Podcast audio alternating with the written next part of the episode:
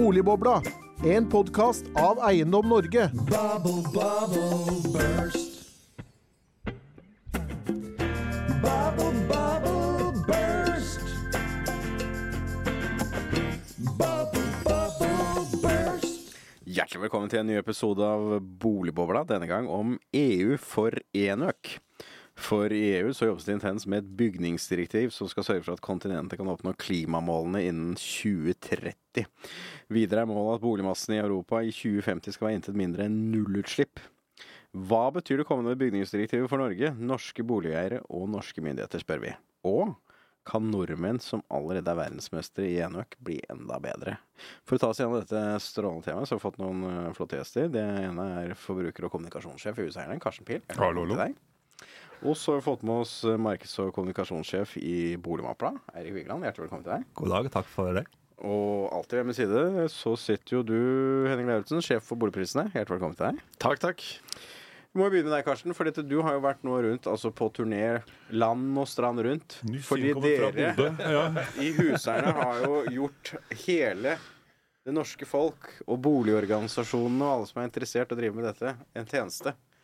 Ved å dra ned til EU og sjekke ut hva i det store av verden de driver med, før vi får et direktiv som må implementeres i EØS-avtalen uten at vi vet hva det er. ja, ikke sant? Så Nei. hva er det som vi, dere har funnet ut i Brussel? Nei, det vi har funnet ut, og, og, og- dette startet jo i januar eh, 2022. Eh, For det, da var det vår europeiske organisasjon som, som er, sitter veldig tett på mange sånne ting knyttet til bolig i, i Brussel. De varslet at nå kommer det et, et EU-direktiv som kommer til å få ganske stor betydning for boligeiere gjennom hele Europa. Men altså når du snakker januar 2022, så snakker vi altså før den hva skal du si, energikrisen, om man kan kalle det det, i kjølvannet av eh, Russland og Ukraina. før energikrisen og før det hele. Og, og, og det som var, var da bygningsenergidirektivet, som for så vidt er et gammelt direktiv, så dette er fjerde utgave, tror jeg, um, eh, som, som kommisjonen da hadde foreslått å gjøre ordentlige endringer på. eh, Og for å få et, måtte nå Parisavtalen med de kuttene som skulle være til 2030, og nå nullutslippsmål, som er EUs mål for 2050. Så det var, det var basisen. Og som, som skjedde da, så brukte jeg en del tid på det da og snakket med, med folk. Og så kom Ukraina-krigen, og så kom energikrisen. Eh, og dermed så i mai i fjor så kneppet de til et par hakk til i, i kommisjonen, bl.a. knyttet til veldig stor økning på satsing på solceller um, og, og alternativ energi. Eh, og så har jo dette gått så, Kvernen i Brussel eh, maler jo ofte sakte, men akkurat her har den malt ganske fort, egentlig. ikke sant? Og så skal jo da Men, men eh, ja. før du fortsetter, altså, hvordan er det egentlig liksom lovgivningsprosesser i EU foregår? Altså, vi har jo selv vært borti dette. Plutselig så bare detter jo inn i et eller annet, ikke sant? Ja, ja. Nei, det er ikke, er det... dette er jo egentlig ikke noe vi i Norge vet Nei, om. og det er, jeg er jo skarvjurist som har hatt eh, 14 dagers kurs i EU-rett, så dette ble, så dette ble, dette Og vi vet jo fra Nav-skandalen at det har vært veldig dårlig undervisning. ja, ja, veldig, ja, ikke sant? Det, var, det, var, jeg har, bestått på vitnemålet at jeg, at jeg deltok, til og med. Det var, liksom, det var ikke noe bestått eller noe, det var bare deltok. Det var kravet da jeg tok jussen. Nei da. Um, I EU så er det jo sånn at uh, kommisjonen, som er regjeringen, uh, den er jo, uh, sitter og kommer med inn- de politiske initiativene og lager forslagene. Um, og, og de har måtte, mye folk under seg som, som jobber med det. Så legger de frem forslagene og initiativene, og derfra ut så De er jo med og påvirker, selvfølgelig, men det er ikke de som bestemmer. Og fordi EU da er en sammenslutning av en haug med land, så har de både et eget parlament, hvor det er jo folkevalgte fra de enkelte landene som sitter, men de sitter etter partigruppe i parlamentet, så der sitter konservative sammen, sosialdemokrater sammen, de grønne De sitter er sammen. valgt, valgt inn fra De de er valgt, sant, akkurat som et storting. Ja, ikke sant? Akkurat som, som et vanlig valg eh, i de ulike landene. Eh, og så er det jo litt lavere valgdeltakelse, som gjør at det er kanskje lettere for en del sånne nei, Jeg vil ikke kalle det ekstrempartier, men, men partier som er med litt rar uh, følgerskare, å og, og gjøre det bedre. litt, litt for spesielt Det jeg skal frem til, er at De grønne sitter med ganske mye representanter i, i EU, som, og det var viktig for denne saken her. Og så, og så, eh, så, så det er parlamentet på den ene siden, som jo er folkevalgte, da, og så er det kommisjonen, nei, unnskyld, rådet, som er eh, utenriksministermøte for alle praktiske formål. Der er hvert land sin stemme. Så de seg imellom, først rådet da, og så parlamentet, har bestemt seg for at dette er det vi mener, og så skal de bli enige i såkalt sånn trilogforhandlinger. Så skal de bli enige om direktivet, og så blir det direktiv, og så skal hvert land implementere det. Eh, og så kommer et EØS-problem etterpå for, for oss, da. Um, og så er det jo sånn at kommisjonen hadde noen forslag, og så har pga. bl.a. Ukraina-krigen både parlamentet og kommisjonen vedtatt sine posisjoner, og de som de nå skal sitte og forhandle om, eh, men de er så å si like på de store tingene. Eh, Og de er mer offensive enn det kommisjonen er. Og det er ikke så veldig vanlig at det er. Det er ofte så er liksom parlamentet ofte drar litt på, og så ligger, kommisjonen, ligger rådet litt etter. Så, så vi ser for oss eh, Vi måtte sammenligne forslagene, eller prosesjonene både fra, fra, fra rådet og fra parlamentet, så tror vi sånn cirka at vi vet hvor de havner igjen. Og så, vil alt, så ligger jo djevelen i detaljene. Ja, for, for da er det også sånn at det er ikke så veldig stor forskjell mellom de to tingene de mener, er det veldig, det? veldig like på de Ja. store tingene. Og så er det noen sånne unntak som vi vi kan komme tilbake til, så, som, som kan være en utfordring. Mm. Uh, men, men det skal jo da vedtas formodentlig i løpet av sommeren. Men det, men det er også sånn man vet aldri helt hvor det liksom plutselig så skjer det noe, og så er de Men, men er, det da, er det da mål som nå skal vedtas, eller er det, er det liksom øh, virkemidler? Eh, Nei, og dette er jo, dette er jo direktivtekst som for alle praktiske formål er lovtekst. Okay. Ikke sant? Så skal det for så vidt implementeres i de enkelte land, men, men det blir da lovtekst for de enkelte landene. Mhm. Og så er det jo noen land som er gode på å etterleve direktivene til EU. Norge er best, Norge er best, ja. Og så er det noen land som er mindre gode på både å implementere og etterleve disse Mm. Men, men bare sånn eh, nytt spørsmål for beslutningsprosessen, så er det sånn for Norges vedkommende så er vi jo ikke medlem av EU, men EØS-medlem. Og da er det bare det som er såkalt EØS-relevant som skal implementeres. Ja. Og hvor, hvordan ser det ut når det gjelder dette området? På bolig, så er, bolig er EØS-relevant. Og alle som prøver å si at det ikke er det, de, de sliter med å få, få, det gjennom, for å se det sånn. Det er åpenbart. Der, der, der skal vi ha de samme reglene som resten av kontinentet. Så, så, så, Så for alle praktiske formål så betyr det at det som vedtas, det, det må Norge implementere? ja, så er det, en- det er en, en liten sånn sak i EØS-avtalen, og det er at vi kan nedlegge veto. det er jo vet, men det har aldri skjedd. Vi har aldri gjort det, eh, men nå har jo nasjonen da, på lederplass Nei, men- gått ut og ment at nå skal vi nedlegge Men det veto. mente de vel på Aser, ACER, og det mente de på det ene og det andre. Altså, de det, det er ment. vel liksom Det har de ment. else is new? Ja, Det har de ja. ment før òg, men, men det er klart de har nok en utfordring i regjeringen når det, det kommer et direktiv. Når, når altså, halve Arbeiderpartiet og hele Senterpartiet er mot EU, eh, så tror jeg de, de sliter litt med hvordan skal vi få dette gjennom. Men altså, det, dette kommer ikke innenfor denne regjeringsperioden, eller? Nei, altså, det det, nå er det jo sånn- sånn øh, når, når de er ferdige, så skal det jo da forhandles i EU, og det skal forhandles med EØS-avtalen og sånn. Og, og for alle praktiske formål så er det Norge som er, er, måtte, den store parten her. Eh, Island har fått unntak fra hele energidirektivet, for de har stort sett bare jordvarme på hele, hele øya, så det er liksom ikke noe mer å, å styre med. Fordi det er nullutslipp, det da? Eh, Det er tilnærmet nullutslipp. Så det Men dette må jo henge da også sammen med altså, hvordan energiproduksjonen foregår i de, de respektive landene, Ja, antagelig? Eller? Ja, det, men det kan ikke EU styre. ikke sant? Og det er, det, det er her er liksom, Hva kan EU påvirke, og hva kan EU styre? For det er jo litt strenge regler for det. Men det EU kan styre, som de nå setter krav til, er energiutslippene i bygninger. Det har de muligheter etter måtte Ja, okay, okay. til å avgjøre. Hva, hva skal energiutslippet fra bygninger være? Altså for, sånn som det vi er vant til å snakke om. Hvilken energiklasse skal byggene ha? Det er jo i praksis Så- det man skal fram til. Så det er det det handler om, om det skal være Altså det er det fra A til A til G. F. Er det til G? A til G, ikke sant? Og G er det dårligste. Det er A stryk, er det ikke det? A, hva? Ja, det er stryk. A G, G. G. Så det er, det er ovenfor fail, Ja, som er F. A, A, er, A er det beste. Og så skal, de, så, så skal de også samtidig reklassifisere disse. Så de, og, eller det er en del av forhandlingen, men, men, men det er i hvert fall sagt fra, fra parlamentet at de ønsker 15% dårligste skal være G, eh, og A er det som heter nær nullutslippsbygg. Eh, Så, måtte, så, det, så kan man diskutere definisjonen på det. Eh, Vi har ikke engasjerte oss så mye i det. Svenskene har engasjert seg mye i det. Eh, Det vi vet, er at dette kommer man til å reforhandle gang på gang på gang til vi nærmer oss 2050, når det skal tre i kraft. Det, det, vi får nok anledninger for omkamper om det er nullutslipp, eventuelt helt nullutslippsbygg når vi kommer nærmere oss 2050. Nei, dette høres jo helt utrolig ut. Men, men, men Eirik, dere er jo boligmappa. Dere er jo boliger. Det, hvordan, hvor, hvor er ståa, liksom, for norske boliger? Dere har jo data fra storparten av dine 2,5 millioner norske biler. Hvor ille er det, jf. den merkeordningen? Eller hvor bra er det egentlig, strengt tatt? Ja, riktig. Det, det, for å starte der, det, det stemmer jo det. Eh, Nå er over to millioner boliger registrert i boligmappa. Av da 2,5 millioner. Eh, av litt mer enn det, for det er også noen garasjer der, og det er også Ja, noen hytter og Så det er ikke boenheter, men det er, eh, det er litt mer enn det. Eh, og ja, eh, snart 900 000 boligeiere, nordmenn, da, har logga seg inn og tatt i bruk sin boligmappe for å etterspørre dokumentasjon som mangler, og finne håndverkere som man dokumenterer og har ting, på, ting på stell. Eh, og det vi så, var jo en formidabel vekst i fjor. Ja. Etter 1.1.22. Som Altså er etter avvenningsloven, selvfølgelig, for da måtte flere ha det. Folk ble veldig interessert i dokumentasjon. enormt. Ja.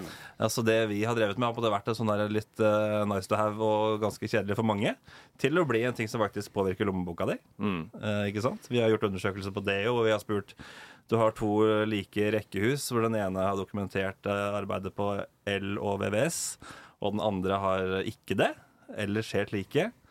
Eh, ved starten av 22 så svarte folk at ja, jeg er interessert i å gi kanskje 10% mer for det ene. Så stilte vi det samme spørsmålet nå eh, etter nyttår, og da svarte folk nesten 20% det er forskjell på hva de svarer og hva de gjør, selvfølgelig. Men, men, eh, Ja. men da, når det kommer til energiforbruk, da, hva, hva vet vi da om den norske boligmassen? da? Også, eller hva vet dere om den norske boligmassen? Ja, vi vet jo på en måte en del om eh, hvor mye som er gjort på antall boliger, og så vet vi jo ikke detaljert alt hva som er gjort, rett og slett. Og det er noe vi jobber med nå, eh, med bruk av eh, maskinlæring. For å kunne finne ut mer av eh, hva som faktisk er utført, sånn at man kan eh, mene mer om det på et sånt makronivå, da. Om ikke annet. Eh, men det man vet jo, det kjenner dere også til, Karsten, at eh, norske boliger er jo bygd for å vare. Eh, og folk flest er jo opptatt av å gjøre ting skikkelig. Eh, og vi er jo gode fra før. på en måte. Ja. Ja, Samtidig så er vi jo eh, energi... Altså, energidelen av det er vi jo sånn til til viss grad gode. Du sa vi Altså, var norgesmestere, Ja, nei, altså, verdensmestere i enøk. altså totalt sett jeg, Ja så, da, så, er, ja. så er jo altså Disse 20-årene så er jo totalt, så vidt jeg har sett i hvert fall, eh, totale energiforbruket i den norske boligsektoren, altså boliger og fritidsboliger, har vært stabilt. Ja, altså, og den det er faktisk litt og det er, ja. det er faktisk Ja. svakt negativ, samtidig som det da er bygd masse, masse hytter. Mm. Og det er da bygget ganske mye boliger også. Ja. Men, men det er klart, de, det som er bygd de siste årene, er bygd på TEK 10 og TEK 17. Så, og de vil jo være vesentlig bedre energieffektive. Ikke sant? De er energiklasse C, eh, i hvert fall. Eh, mange av de har varmepumpe og er da B nærmest automatisk. Ok, Så, har du en varmepumpe, så rykker du opp et hakk? Er det det du sier? Nei, ja, ikke alltid, da. Eh, men, men du vil gjøre det fra C til B, så, så vil du stort sett gjøre, gjøre det. Så har du et TEK10-hus og setter på en varmepumpe, så vil du stort sett, eh, stort sett eh, med forbehold, eh, få, få energiklasse B. Eh, og det er jo interessant for veldig mange, for da er du mulighet for grønne boliglån, f.eks. eksempel Ok, så du må men- helt opp på B. ja. Ja, men det vi, det vi jo vet på, på bygningsmassen, er jo at store deler av norske boligmassen er bygd etter krigen. Ikke sant? Det er sånn fra 40 utover. Um, og særlig eneboliger da bygd, og tomannsboliger, rekkehus for så vidt, bygd fra 1945, da, altså opp langt ut på 70-80-tallet. Det er veldig begrenset med isolasjon. Ikke sant? Og det vet vi rett og slett ut fra, fra byggereglene og byggeskikken. Og det er fordelen i Norge. Vi har bygd ganske homogent. Det er ganske like bygg, altså sånn, sånn teknisk sett. Og vi har hatt regler, og vi har en helt egen evne til å etterleve de reglene. Så vi kan være sikre på at, liksom, at hvis regelen sa du skulle ha 10 cm isolasjon i veggen, så, Så er det stort sett det, var, det var ikke sånn som det var i Tyrkia nå, med Gud forby, med disse jordskjelvhusene hvor det da var dopapir og skjell. Nei, ikke sant? Er, det er, det er, det er, er gjennomgående gjort ordentlig. Eh, Selvfølgelig noen unntak også, men, men, men gjennomgående er det gjort ordentlig. Eh, Men det betyr at vi sitter med en boligmasse, det som er bygd da før ja, siden 1980 kanskje. Eh, Der må det gjøres noe. Eh, Og det må gjøres to ting sånn i store og hele. Det må byttes vinduer, og det må etterisoleres. Men eh, altså, da snakker vi om gjøres noe før 2030. Hvis, det er der, vi- vi- hvis vi på en måte ender på det som, eh, som kommer, vi tror kommer fra EU, da. Ja. Hvis, vi, hvis vi ender på det som, som, som det ser ut som, som EU lander på, det er jo at uh, energiklasse F og G skal bort innen 2030 Ja. for alle brukte boliger. Eh, og da Og hvor mange boliger i Norge er i FHG, da? Eh, Nei, det er, det er det ingen som vet. Ikke sant? Det, Fordi man vet ikke det. Selv ikke boligmappa. Nei, nei, nei, fordi, fordi vi, har, vi, har, vi har en energimerke Det må du finne ut! Sett i gang maskinlæringen. Nei, vi har en, vi har en energimerkeordning som er, er, er sånn at du har jo veldig mye sånn egen, eh, Det er jo er det noe denne bransjen kan, eiendomsmeglingsbransjen, så er det energimerking. for det er de som fyller den ut. I hvert fall har gjort det Ja, eller i hvert fall så er det boligselgerne, men der har jo gjennomgående rådene, og jeg har gitt det selv, jeg, altså fram til liksom for halvannet år siden, bare kom deg gjennom det skjemaet, for det har ikke noe å si Ja, på prisen. ja, er bare bli ferdig. Og så har ordningen vært at det er byggeår som i veldig stor grad har gitt da eh, energimerket, ikke de reelle hva skal vi si, kvalitetene Men, men vi bare regnet på det. da, Hvis EU måtte få igjennom at de 15 dårligste boligene skal være eh, energiklasse G, og så vet vi ikke om derfra opp skal være lineært eller ikke, for det er litt opp til landet å avgjøre. Men hvis vi sier de 15% dårligste boligene Eneboliger og tomannsboliger i Norge, det er det røftlig da 1,4 millioner av. eh, og da er det altså rundt 200 000-210 000 eneboliger og tomannsboliger som er de 15% dårligste boligene. Altså bare ren matte. Eh, ikke sant? Og, så, så det er antallet. Skal du fikse de liksom for det du må gjøre Men hadde det vært lineært, så er vi altså oppe i en 30 eller noe i den duren da, Ja. totalmassen som man skal gjøre et eller annet med på 6,5 år. Ja. Og det er kort. Det er veldig kort, Mm. og det er, det er jo derfor vi driver og pusher nå på regjering og, og, og apparat. Og det er ikke bare vi, det er ganske mange som gjør det også. For vi må komme i gang her. Mm. Eh, og det er ikke bare fordi det er EU-regler, men det er for dette er jo akkurat det samme som Parisavtalen. Dette er bare lovgivning for å komme gjennom utslippskuttene etter Parisavtalen. Og Parisavtalen har denne regjeringen sagt at den skal vi oppfylle. altså, det er ikke full enighet på Stortinget om det. hvis vi f.eks. Ja. ser for oss en norsk boligeier i dag da, som skal gjøre et eller annet med huset sitt altså Man tenker nå skal jeg, nå skal jeg pusse opp. Mm. Eh, så er vel dette egentlig ganske relevant informasjon når man skal ta de valgene man skal ta rundt hva man skal gjøre, er det ikke det? Jo. Uh, og, det, og det betyr på en måte at hvis man ikke vet hvilke krav som kommer, eller, eller hvis ikke det er klarlagt, så kan man, man kan jo risikere å ta en eller annen litt dum beslutning. Ja, på den ene siden i hvert fall i forhold til tidsaspektet, tenker jeg. Men, men det, er jo, det er jo sånn at det er jo ikke noe heksekunst å etter å å energieffektivisere en bolig, egentlig. Ikke Ja, for man, man vet hvilken retning man egentlig skal i. Det du er det ha- ikke noe stor usikkerhet Nei, om. ikke sant? Skal du ha en bolig bedre, så er det liksom, for det første må du gjøre den passive delen. altså Du må skifte vinduer. ikke sant? Og få vinduer med som har lav utslippsverdi, som er nye av, Det av er dato. det UV-greiene. Og det er kanskje noe av det viktigste, er det ikke det? Vinduene er jo det, det som gir størst effekt fortest. Og så måtte tidligere med, med tidligere strømpriser så sa Sintef at måtte ta bytt vinduene, men det vil, du vil aldri lønne seg å etterisolere. Altså, Det er jo sånn, egentlig sånn regnestykke på det. Men etterisolere, hva vil det innebære i praksis? Altså sprøyte inn isolasjon eller bytte isolasjon? Ja, ja. Og Det, begge deler? det kommer helt an på hva, okay, hvor og hvordan. For å si sånn, Okay. så du har jo mulighet, og det kommer litt an på hvor byggeår og hvordan huset er, og hvordan huset er bygd, og det ene med det andre. Eh, Men for veldig mange så vil det bety enten fra innsiden å legge på mer isolasjon fra innsiden, eller fra utsiden å legge på isolasjon fra utsiden. Og da må du jo av med panelet, altså da må du skifte panelet samtidig. Ikke sant? Og gjør du vinduer, gjør du um, taket, så taket er jo viktigst, for varmen går jo oppover, så du må ta taket først. Enten da oppi skråtaket eller loftet. Det kommer an på hvordan huset ditt ser ut. Uh, sånn. Uh, og du tar veggene, Um, så snakker vi 800 000 i hvert fall. Sånn bob-bob. Uh, hvis du har grunnmur i tillegg, så er du Hvis du gjør det sjæl. Ja, nei, hvis du Ikke boligmappa. Men kan man ikke dokumentere Jeg er jo sånn, jeg elsker å gjøre ting selv. Jeg bygger noe bad, jeg bygger toalett, jeg øh, bygger til alt terrasse.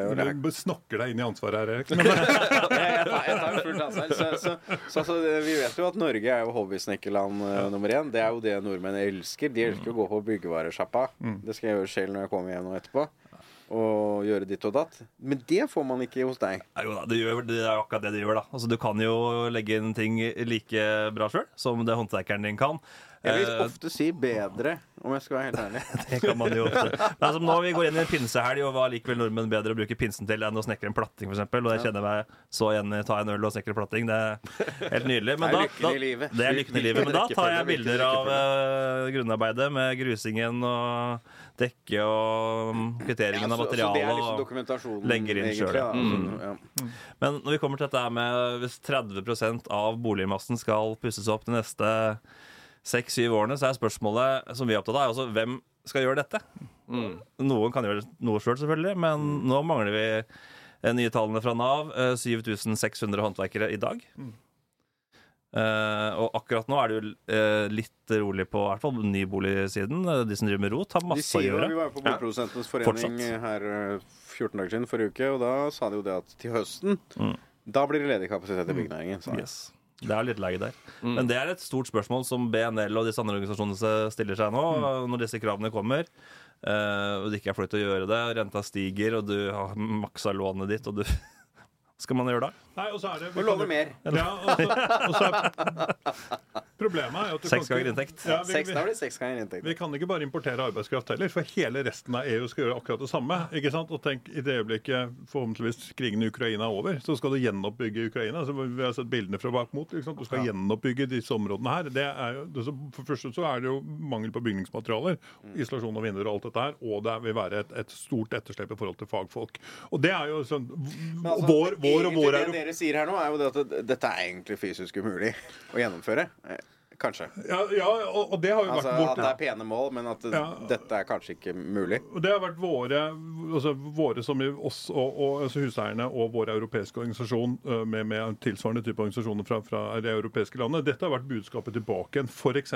til De Grønne som satt i, sitter i parlamentet, som gjerne ville forsere dette enda raskere. Så sier Det kan dere bare ikke finne. Ja, det var finne liksom neste år. ja, nei, dere, kan, dere kan ikke finne på det, for det er ikke folk her. Ikke sant? Så Vi har vært med å levere tall på hvor, mye, hvor mange boliger er det vi snakker om. Hvor, hvor mye er det med må gjøre? Hva snakker Altså, vi om av verdier? liksom ikke sant? Og, og håndverkere som skal få dette på plass. Og Norge har jo tross alt en boligmasse som er gjennomgående ganske god. Ikke sant? Det er jo tenker- verdens beste standard, antagelig. Du, du ser jo det når du kommer til Sverige. De husene er veldig mye dårligere bare du Jo, kommer jo, jo. litt over grensen. Det er merkelige greier. Altså. ja, og så, og så, og Men du ser det forresten. Det er, liksom, det er litt sånn 300 spink, Det er litt litt 500 spinklere å bygninger, liksom. Så det er liksom Nei, og så kan du, kan du se ikke sant, bygningsmassen rundt Middelhavet, eh, bygningsmassen i gamle Øst-Europa. Ikke sant, eh, Tsjekkia, Polen, Ungarn. Du tenker jeg hvordan den ser ut. eh, for der er, du, der er du enten sånn fra liksom mange hundre år gammelt, eller liksom sånn uh, Østblokk- østblokk-stil. ja. ja. Nei, og så, så, så her er, Det er en kjempestor utfordring her. Men det, det, det som er veldig tydelig da, når man snakker, eh, snakker i Brussel, og som vi ser fra kommisjonens side, kanskje særlig som har initiativet, er at ja, de vet at det kommer til å være et problem. Å skaffe folk og, og finansiere, men det bryr de seg ikke noe om.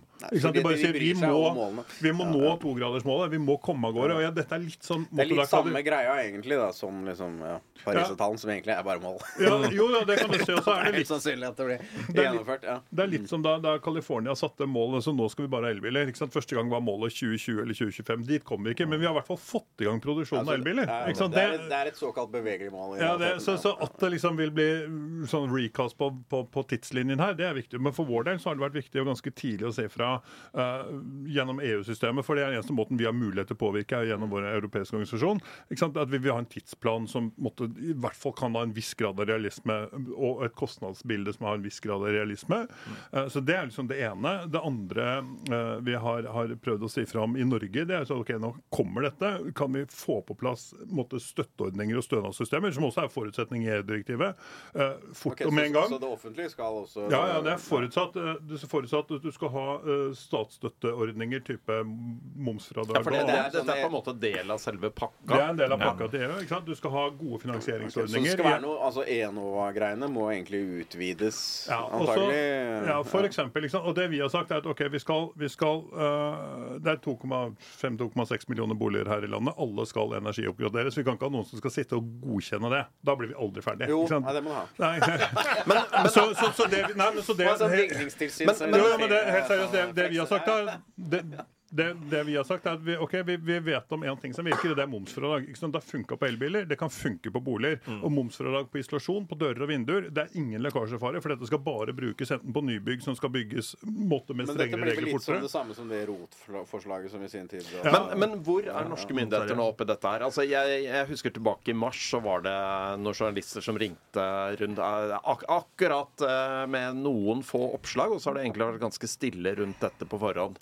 Og, og kanskje ettertid også. Men hvor, hvor er myndighetene her nå? Hva gjør de? Ja, det lurer vi òg på. Ja. Nei, altså det, og det Jobber ikke de rett med to- 2010-forslaget? jo, jo, det er så, De, man gjør de det. For det er ikke ferdig med det. 15 år Nei, Ja. bak. og, og, og dette, dette, er, dette er vår, og, ikke bare vår, men mange andre organisasjoner, men også i huseierne. Vi er, vi er veldig bekymra for regjeringen bryr seg ikke om energieffektivisering. Ikke sant? Og Vi så det forrige uke også. Hva skal de bruke penger på nå? statsstøtte? Jo, det er bare vind, flytende Det vindkraft på skal du skal bruke 50 milliarder. Men nå ryker jo det, da. Nå er jo, Jo, jo, men det er, de det er liksom de dyreste kilowattimene i verden. Det er de du får fra det. Så huseierne tar nå tatt et standpunkt mot vindkraft? vi har det? gjort det.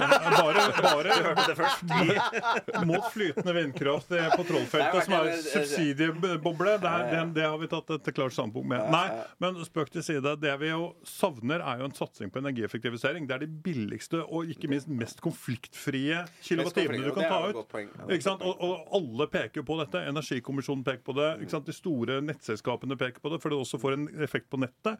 Ikke sant? Um, alle gjør det. De eneste som sitter bare Nei, men energieffektivisering er ikke så kjempeviktig. Det er regjeringen. Det er jo egentlig helt lost. Altså, man skal være helt Bare ærlig. tull. Ja, ja. Men eh, her er, vi, her er vi nede i sånne detaljer som tildelingsbrev til Nova og andre ting også, hvor, hvor man kanskje kan se at dette ikke er så veldig på en måte fokusert.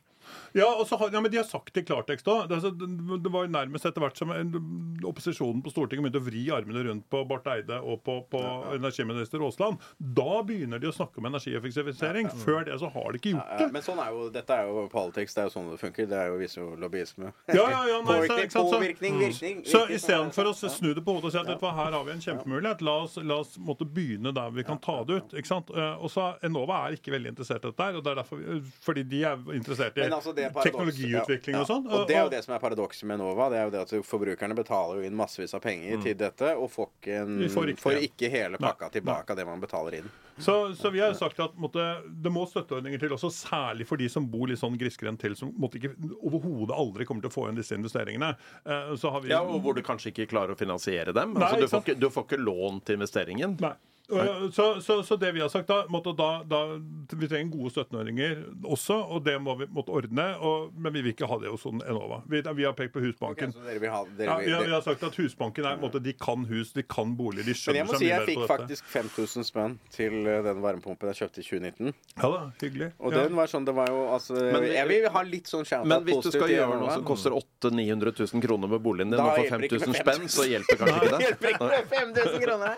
Nei, og, og, og så er, er problemet Men det var veldig bra søknad. Jeg fikk de 5000 kronene veldig fort, da. ja da, men, men så er spørsmålet hvorfor skal du i det hele tatt søke? Ikke sant? Det er derfor vi sier at momsfradrag funker. Ikke sant? For det, det kommer med en gang. Og så sier vi at Men da vil jo en, en økonom vil jo si nei, det funker ikke. Fordi det er sjukt upresist. ikke sant? Ja, det- Det er jo litt sånn som strømstøtteordning. ikke sant? Du skal subsidiere, Det er mye mer presist å gi folk penger i, hånd, i hånda enn å Ja, det kan noe med si, men da er, du har jo mye byråkrati med det. Men, og, og da tenker vi at måtte, på, særlig på momsfradrag på isolasjon, dører og vinduer, som eneste måte nytte er nybygg og, og, og bruktboliger, energieffektivisering. Det er liten lekkasjefare. Det er måte, lett å stoppe folk som prøver å ta med seg momsfri isolasjon til Sverige. Liksom. Det, det, det er liksom, volum på det, så du klarer å få stoppa det på grensen. Så det er ikke noe fare for, for at det lekker. sånn sett. Eh, Så er det en grei ordning. Og så har vi sagt også at vi ønsker eh, rotfradrag på energieffektiviserings håndverkertjenesten. Og det altså, er jo ikke minst særlig for at Eirik og måte, alle skal få dokumentasjon på plass. rot- ikke det ble jo utredet av Siv Jensen, eller altså Erna Solberg og Siv Jensens regjering. da. Altså første, Ja, første gangen Og da ble jo det avlyst, avvist. Det ble jo, for dette, det var jo vedtatt i regjeringserklæringen i 2013. Ja. Og Men- etter men- men Men det er ti år siden. Men, ja, det er jo annen ti år situasjon. siden, men ja, det er klart det er en annen situasjon. Men altså, den gang var det jo snakk om svart arbeid, som var hovedmotivasjonen. Men også, også Men, men hvis, dette det- blir, hvis dette blir vedtatt, så er jo dette noe som er helt unikt i norsk bygningssammenheng. Altså at man skal gjøre radikale ting med en ganske stor del av bygningsmassen i løpet av ganske kort tid.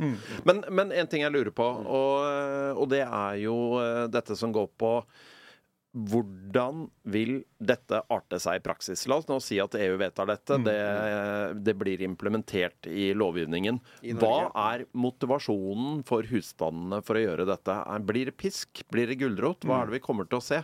Dette vet vi ikke så veldig mye om. Nei, og jeg tror det første vi vil se, er, er gulrot. Eh, og så er det ikke sikkert at de første eh, reglene som treffer folk, er bygningsenergidirektivet og de måtte, reglene som kommer til å ligge der. For det vi har, ikke har snakket så mye om, det er jo de som allerede har fått vedtatt EU-regler knyttet til energieffektivisering og rapportering på det. Det er finansbransjen.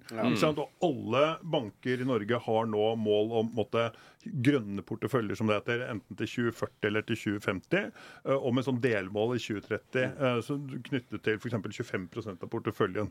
Altså, jeg titta litt rundt på en liten bank som Sparebanken Ringerike Hadeland. altså Det er en liten bank i landsdekkende sammenheng, en stor bank på Hønefoss.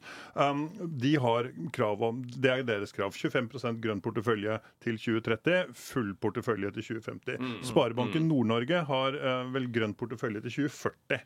Ok, Eh, men, men hva betyr grønn portefølje det for betyr- kunden der Det betyr energiklasse A eller B. Det vil, si Altså- at, det vil si at du enten ikke får lån når du skal kjøpe det. det du vil da slite med å få solgt det. ikke sant? Eh, Dette ser eller du man allerede i de eller du får stakkars oljebransjen, for en del oljeselskaper får jo ikke lån. Nei? Du, vil få mye, eller du kan få mye lavere lån og kanskje litt ekstra for, for å gjøre energieffektiviseringsdelen. Og det, så det er, vil nok treffe noen. Så det er en sånn, og det er en sånn blanding av pisk og gulrot. da, ikke sant? For det, Vi har jo veldig mange medlemmer er engasjert i dette, så de har kommet til oss og de kan jo ikke innføre regler om at jeg skal energioppgradere huset mitt. Det var lovlig da jeg bygde det i 77. Det kan Ja, så forbud mot tilbake lov med er, tilbakevirkende kraft eh, Og så er det en diskusjon, for akkurat det er et unntak i plan- og bygningsloven som Unntak fra Grunnloven. Nei, ja, nei, men det er, der, der, er, er, er er- De har lagt inn en hjemmel, så vidt jeg husker, som gir ligger, det ligger en hjemmel, det ligger en hjemmel som for så vidt i praksis er på en måte Men men det er bare En tom hjemmel foreløpig. det definerer det ikke til tilbakevirkende kraft. Så en hjemmel som sier at du, du, måtte, kommunen kan kreve at du er oppdatert på en del områder. Vi bruker den i dag på brannsikring. Brannsikringsreglene skal du følge til alt til Ja, du kan, du kan også gjøre det på altså farefulle ting ved et byggverk. Hvor det detter ned stein fra fasaden og sånne ting. Og, og der ligger det også i forarbeiden at dette kan skje på energi. Så Mm. noen har tenkt da de lagde den hjemmelen. Okay. Og da utdefinerer du det fra liksom, tilbakevirkende kraft. Men, okay. men, men at noen skal sitte liksom med, med gå rundt byggkontroll eh, med loven i hånd Du har ikke etterresulert, du har ikke etterresulert, du må skifte vinduene dine. Hvis ikke så kommer vi og tar deg, liksom. Vi tror vel kanskje ikke at det skal skje. Du kommer til å slite som regjering hvis du innfører det. Men vi tror det er andre ting som kommer til å treffe deg før. Så for eh, sånn finansieringsreglene. økonomisk motivasjon gjennom dyrere lån, ikke-lån osv., Ja, rett og slett, som igjen vil påvirke prisen på boligen din. Ja, og forsikringspremie også. Mm. Fordi måtte, gjenoppbyggingskostnadene blir høyere. Sånn måtte, det, det, vil være, eh, det vil også være, ligge der, eh, rett og slett. Men altså, hvis vi liksom kommer litt ned til puddingen, da, så jeg Vi vet jo nordmenn bruker jo nå er det 70-80 milliarder kroner i året på oppussing. Altså hvilke beslutninger bør man fatte nå mm.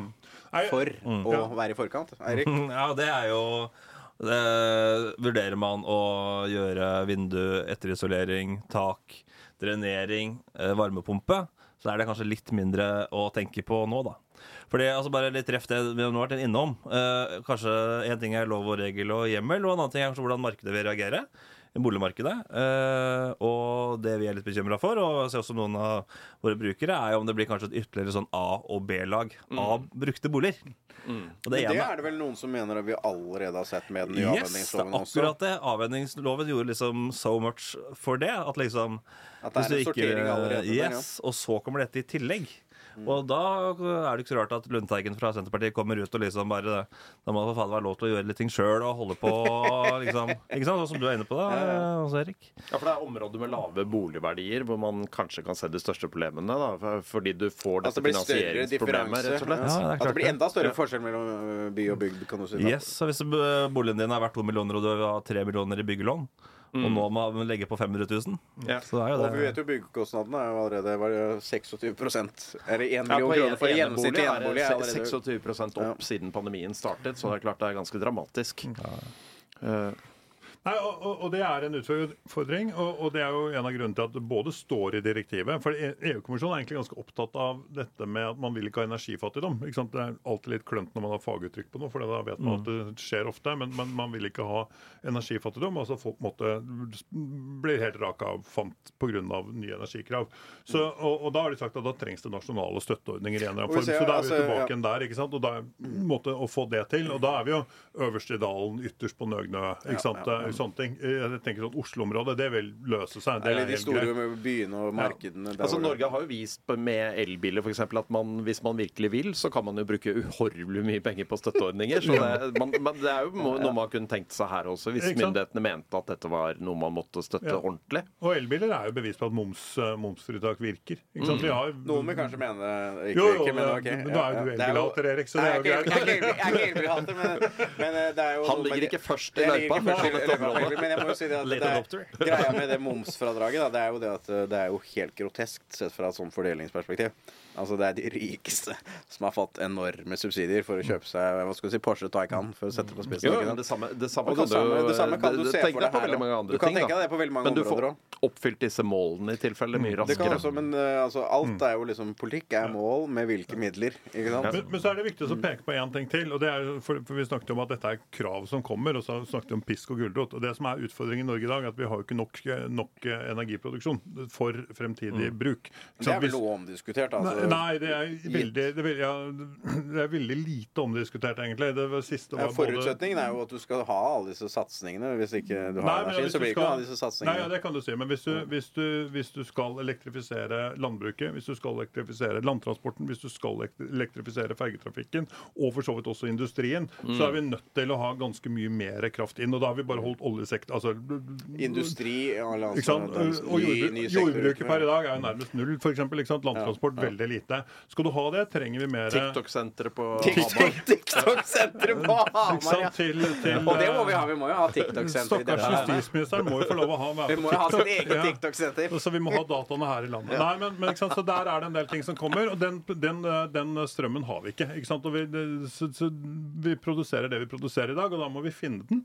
Eh, og da tenker vi at da må vi finne den eh, kanskje særlig gjennom energieffektivisering. Der ligger det eh, boliger et eller annet sted mellom 4 og 10 TWh, og i bygningsmassen totalt i Norge opp mot 20 TWh. Fosen-vindmøllene, bare sånn som vi jo, folk i hvert fall vet hvor ligger den, eh, det, det er 4 TWh i året. Ikke sant? Så det er bare sånn til sammenligning. Um, så er det jo ikke boligene som du var innom, Erik, det er ikke boligene som, som kommer til å trenge dette her. Det er alle de andre. Og det vi er redd for, er at vi blir sittende med regningen. Altså Ja. bolig, boligeierne blir Men sittende sånn med regningen. nå. Det er jo boligeierne og husholdningene som nå bærer, eh, Ja. eh, bærer regningen for at eh, folk, eh, industrien vil ha utenlandskablene. Men da- og høye men- norske strømpriser. altså. og nettkostnadene med vind og sol og altså, alle disse men- tingene. men det er jo er forbrukeren vi som betaler for det. da er vi tilbake igjen der hvor vi startet. For du spurte om hvorfor har vi engasjert oss i dette. Og det er nettopp dette. Liksom, det er for Mm. Fordi å kjenne, ja. kjenne til hva som kommer, og kunne så, være tidlig på banen og se ok, skal vi være med her, så må vi få noe støtteordning. Vi må få på plass litt. Grann. Vi kommer til å måtte bære full regning. Altså, det, er jo ikke, det er jo ikke gratis å etterisolere. Om vi Nei, vi får 22 momsfradrag, eller hva det blir for noe, Så så, så, er det fortsatt, så skal du fortsatt dekke resten på en eh, millionregning. Men, men bare for å ta meg selv, altså jeg, vi, jeg har et hus. Det er fra 1949. Det er tomannsbolig, så jeg deler en vegg med en nabo. eh, og det brukte altså da ja, Jeg tror jeg har klart å redusere strømforbruket med ca. 15 eh, da fra 2021 til 2022. Mm. Og nå klarer jeg ikke noe særlig mer, ser det ut som. nei. Så det er liksom sånn så nå er det kanskje 22 000 kWt i året. Mm. Det er kanskje ganske representativt for en norsk hva skal du si, til småhus i tre, liksom. Hva er liksom mulig at jeg kan klare å komme meg ned på, da? I sånn energiforbruk? Ja, det er et godt spørsmål hvordan du gjør det syvende og sist. Men hvis det huset hadde vært nytt, da, så hadde det vel vært nede på øh, 14-15, tenker Altså det er ca. 220 kvadratmeter. Ja, ja. Mm. Men, men, men hvis det huset hadde vært nytt, så tipper jeg det hadde vært sånn rundt 14-15 på Så da har det vært ikke Og så er det, så er det alltid litt 20% sånn ja, ikke sant? Det er alltid litt sånn spørsmål knyttet til ja, har du elbillader, har det, ikke sant? men du har ikke det, da. Men, men mann ja, ikke sant? Tørketrommelbruk og en del sånne ting. Men hvis oppvarmingskostnadene er det, så, så, så er det liksom Du, du skal komme ganske. Fikk jo det i Ikke sant? Ja, 2019. ja. Før de doblet prisen. Men det er, du er et veldig godt eksempel, for det, tallene til NVE viser jo at det er omtrent det folk har klart å kutte fra 21 til 22 Mm. Jeg har sett at det er ganske gjennomsnittlig på, på på atferdsendring, rett og slett. ja. Ikke sant? Skru ned temperaturen, stenge Og det er jo det da, Ja, liksom. ja, ja. Men, men derfra ut så får du ikke gjort det. ikke sant? Så da er det vinduer, det er isolasjon. ikke sant? Og det er jo. Og så kan man lure på sant, hvilke hus må etterisoleres. Så det er veldig greit. det er sånn der, Jeg antar du har sånn vindusbrett som ved siden av vinduet? At, sant? Du har det hus fra Eh, I første 49. etasje har vi det. Det er Ja, sånn, det er sånn etterkrigsmodernisme. Ja, liksom. Mens alle, alle vi som bor i nye hus, vi har jo dype vinduskarmer. ikke sant? Og det er rett og slett det ja, fordi iso- veggene er tykkere. det er isolasjonen. i veggen. ikke sant? Så alle som har vindusbrett, de må etterisolere. Alle som har tykke vegger, de trenger ikke. Det er liksom kortversjonen tommelfingerregelen du kan ta med deg. da. Så det, Ja, ja, ja. Så, så altså, du kan si min beste Hva skal du si, best guess er at jeg kanskje kan klare å komme ned på 14 000-16 000. Nei, det er bare sånn, Nå har ikke jeg noe å si, sånn men, men sånn ut fra hva jeg ser på tallene. liksom. Ja, ja. Uh, og så kan, du, sant, så kan man putte på mer, og du kan putte på solceller til syvende og sist. og en del sånne Ja, det er så stygt. Så det, det, Ja, det er esteten i meg. Det dør innvendig. Ja, og, så, men så, og, så, og så er vi tilbake til den diskusjonen som, som da uh, ledes av, av svenskene mot EU, uh, og som for så vidt Norge er med på. Ok, Men vi har jo vannkraft som er i utslippsfri kraft. Vi har vindkraft. Hvordan skal vi regne det inn når vi skal begynne å regne nær nullutslipp? For det har man måtte ikke til nå gjort. og så kan man, Det vil bli noen lange diskusjoner på det. Og så vil man sannsynligvis komme til at det må vi ha med oss til en viss grad. Jeg ser det er en sånn europeisk sånn vannkraftsallianse så- som også er med på det. Men, men da Men- snakker vi om eh, EØS-diskusjonen igjen, Ja, da er vi det? både i EU-diskusjonen, altså Ja. hvordan dette skal regnes i EU, og for så vidt til en viss grad i EØS-diskusjonen vil Ja. det også være inne, vil jeg tro. Uh, men men de fleste landene i Europa har jo ikke vannkraft. Det er, måte, der, så det er, det Det er er bare, bare Norge og Sverige, kanskje. det er Norge, og Sverige, og så er det selvfølgelig en del sånne andre fjelland, type Østerrike. eh, Sveits er jo ikke med i EU, men, men, men så Montenegro og litt sånt annet, som også har vannkraft i, en- til en viss grad. Eh, men men det, er ikke, det er ikke så mye, ikke sant. Um, og så, er, men, så Da får man alltid diskusjonen i EU også, men eh, atomkraft, hvordan løser vi det? Ikke sant? Franskmennene pusher det for harde livet. De det er driver, ja, nesten, de Norge driver hele landet på atomkraft. ikke sant? Så, så, så, der er det mye frem og tilbake. Det man må ha ut, er, som man ikke kan bruke, er jo åpenbart russisk gass, for den får du ikke nå. Eh, ikke har vi lyst til å ha, binde oss til den senere. Det er, det er den grønne norske gassen. Ja. Den grønne, trygge. Og så er det kull vil, vil man jo selvfølgelig også ha ut. Så, så, det har så- man begynt å fyre opp igjen, da. Ja. I Tyskland. Ja, nei, og det er en sånn midlertidig, også.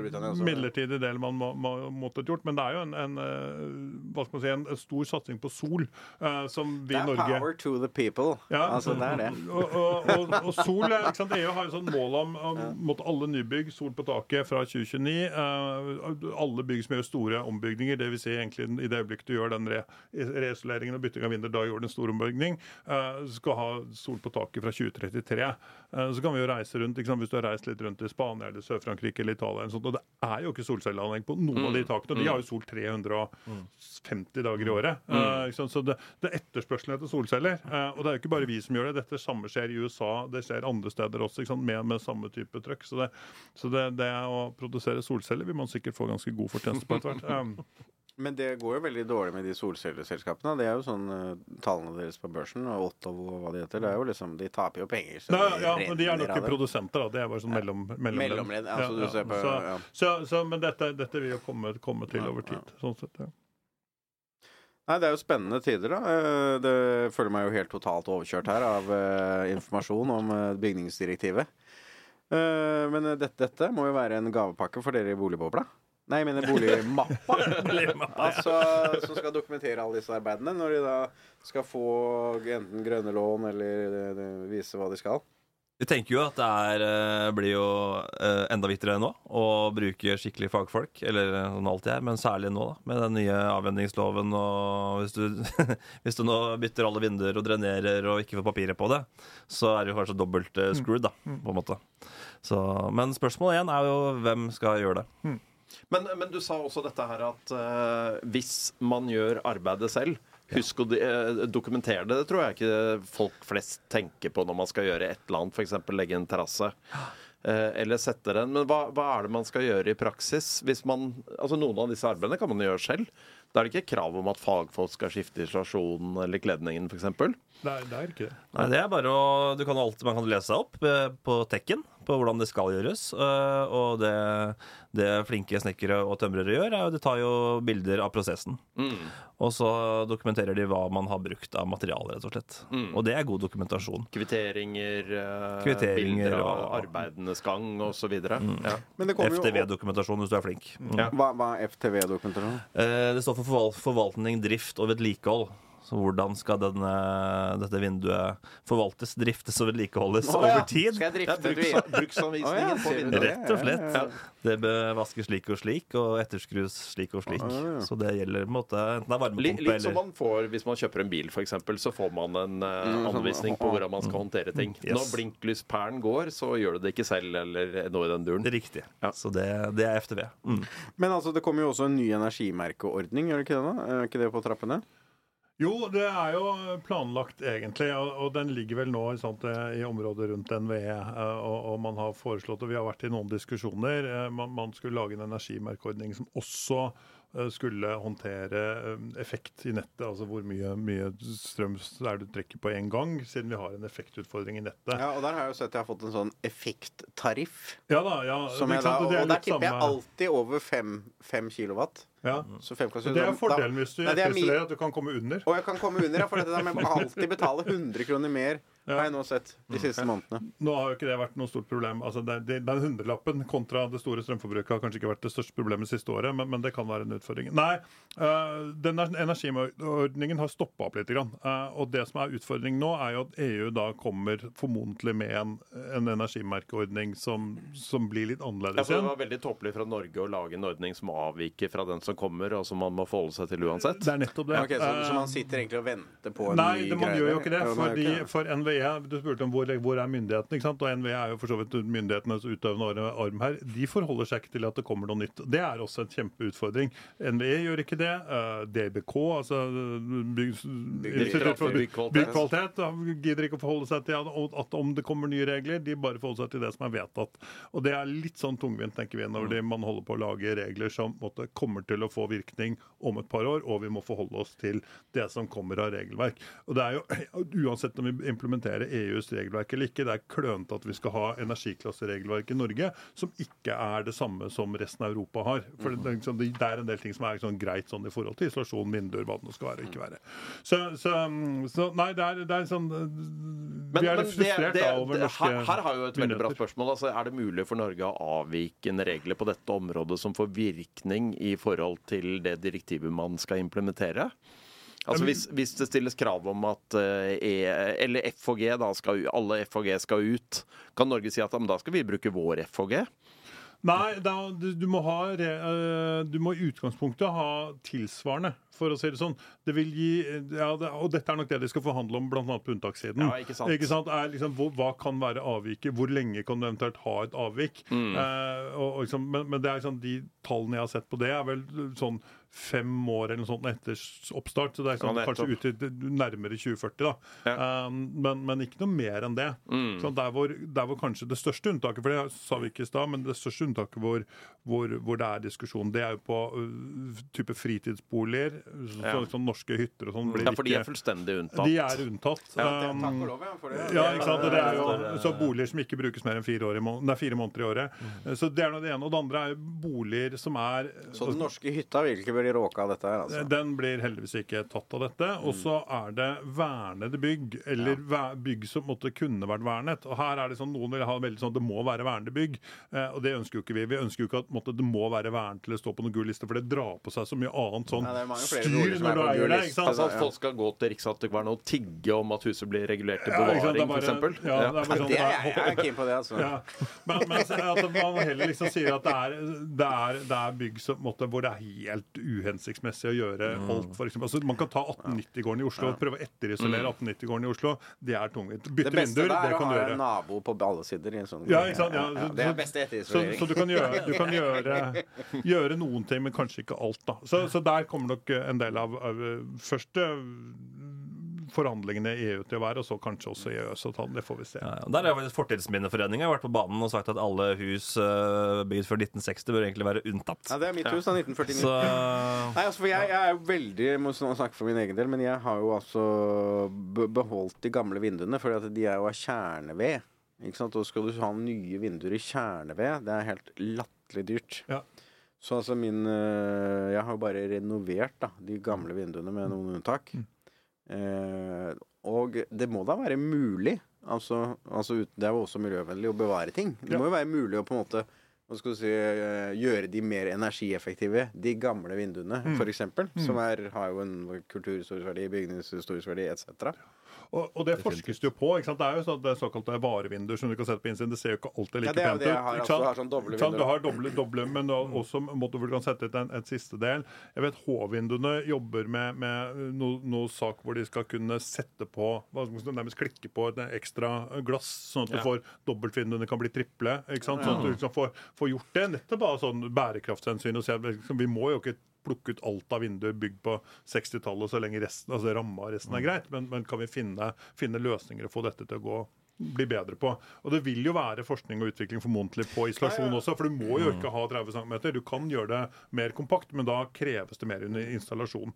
Uh, og så er det viktig sånn i forhold til det, hvis folk begynner å tenke på at dette skal vi gjøre selv, det er jo som vi er ganske opptatt av, men som ingen andre har begynt å se på, det er eh, at huset trenger å ventileres. For Med en gang du begynner å tette igjen huset, så blir det, altså begynner å isolere Da huset, så blir det, blir det mye tettere. Så vi frykter jo at dette kan være en sånn råtefelle. Hvis du Ja. ikke sørger for å få ventilasjon. Og vi kan jo ikke sette inn balansert ventilasjon, sånn er jo aggregater i alle boliger. sant? Hvor skal du sette det i huset ditt, eksempel? Det skal ikke ha, det er stygt. Nei, ikke sant? Så, så finne, løsninger, finne løsninger for å klare å få, få ventilert huset godt nok. Og det forskes det altså så utrolig lite på. Det er jo Men det er jo utrolig viktig. Altså, Ja, ja. Astmatikere og ja, altså, hvilke vet jeg, Ja. inneklima og Ja, det ene ja. og det Nei, andre. så, så, og, så, så det er blant de tingene vi har sett på. For vi, liksom, vi identifiserer som det er en utfordring som noen må ta tak i. Og nok en gang, ikke sant? det er småhus i Norge er litt sånn uh, nedprioritert på, på Det er jo egentlig det som burde vært prioritert, for det er jo det folk flest bor i. Ja, men det er der det er minst penger. Det er det som er problemet. Næringsbygg står alltid først på lista, fordi der er det mest penger i systemet. Både hos bygningseierne og hos leietagerne. Og leietagerne har krav for å gjøre så det. Og så er det kulest for de som holder på å lage og finne på ting, og det driver med næringsbygg. Uh, og så kommer uh, sameieborettslag i blokker og sånn, fordi det er liksom stordriftsfordeler der også. Og så nederst på lista står, står vi boligeierne, uh, og, som eier småhus. Og, og det prøver vi å passe på, da, for å si at det Ja, det er jo strålende dere Ja. gjør innsats. Nei, tiden løper jo av gårde her, folkens. Men vi har jo en fast spalte vi alltid må avslutte med, og det er jo din første bolig. Hva kjente du, hva følte du? Hvor energieffektiv var? Hvilken energi var det? Det var et nytt spørsmål for denne gangen. Eirik? Ja, jeg bodde i en 1890 i går. Det var min første leilighet. Det er jo Etter 1930 så er det det som er best. Det er akkurat det. Eh, nede på Grønland er det noe som heter eh, Rudolf Nilsens plass. Ja. Hernåsgata 26. Da den ble bygd i 1890 something, så var det Norges største bygg. Aha. Aha. Og så kom Slottet et par år seinere. Og da var det Norges største bygg. Men det, var veldig, det er en stor eh, bygård hvor det bodde over eh, 100 familier. 100 Ja, da snakker om sånn rød teglsteinskvartal. Er det det? Sånn svært? Eh, Det er ikke rødt. Nei. Det er eh, gult eh, i dag. Ja, ja, ja, dette såkalte Det het nesten slott eller noe lignende. Mm. Nummer 18. Rudolf. Nilsen har skrevet et uh, dikt om det. Stemmer det. Eh, Nummer 18, uh, hvor det bodde over 100 familier. da Og nå er jo det delt opp til 50 eh, Eller det var delt opp til 50 leiligheter. Nei, Det var min første leilighet der. eh, Første etasje. Kjøpte for 1,850. Solgte halvannet år seinere for 2,8. Å, la, la. Og kom i DN av det. Han megleren han fikk helt overtenning. Ja, ja, ja. ja, det var en ekstrem prisvekst på Det var- veldig Det var helt starten. Dette var i, i 2011. Mm. Ja, men det var jo bra tidspunkt. Så Da. det var liksom eller 20, ja. Mm. Nei, 2012. Beklager. 2012 Ja, var det var I rett 2012 før. var det jo det var veldig bra vekst i boligprisene. i Ja. Så det- over takst, det er sånn, sånn markedsføring vi liker. Nåt. Nei, det er jo ikke lov. Det er Det vi ikke forbudt i ha. våre dager. Det vil vi ikke ha. Så Vi det- skal solgte til prisantydning. Jeg skal bare sjekke dere, gutter. Nei, nei, det må jeg jo si. Er det noe vi er opptatt av, så er det jo det, akkurat det. Altså, det, det å skryte at man uh, selger over takst, det, da har det, det har det vært feil. Det har vært feil prisantydning. Men Karsten, du, da? Du, jeg, eh, jeg bodde med den første, første leilighet som jeg eh, kjøpte selv. Den var på Frogner plass. Uh, og det var 31 kvadratmeter i den gården. ja, I den uh, skyskraperen, Den liksom? skyskraperen Den som hadde Fiat på taket i gamle riktig. dager. Jeg tenkte, Ja. for de som da, Dette er veldig lokalkjent i Oslo, men veldig mange husker den Fiat-gården nederst i Kirkeveien. Der, der kjøpte jeg øverst i syvende etasje, så der var det Ja, ja, når det det var var, når det var, når det ikke var blader på trærne, så så jeg fjorden. Selv, selv, selv, ja, selv folk som er lavere enn meg, for jeg er jo 202, mens folk som er lavere enn meg, så også fjorden. Men det var blader på trærne, da var det ikke nettopp. Men det var jo en ettroms, da, så, så den kjøpte jeg vel for 630, tror jeg. Og så solgte jeg den en, eh, to-tre år etter for 900 og noe. Så det var eh, greit. eh. Det var en gledens tid. Ja, ja, det var, det var greit. Altså, det gikk jo rett inn i ja, Men dette må ha vært på 90-tallet, kanskje? Ja. Dette var skjer slutten av 90-tallet, ja. ja. Mm. Nei, Fantastisk bra. Nei, Hjertelig takk, Eirik Vigeland fra Boligmappa og Karsten Pil fra Huseierne og Henning Lauritzen fra Norge og meg. Vi er tilbake med nye episoder episode i Boligmappa før Tore det. Hjertelig takk. Selv takk. Takk, Herlig. takk. Takk skal du ha. Ha det. Boligbobla, en podkast av Eiendom Norge. Bubble, bubble, burst. Bubble,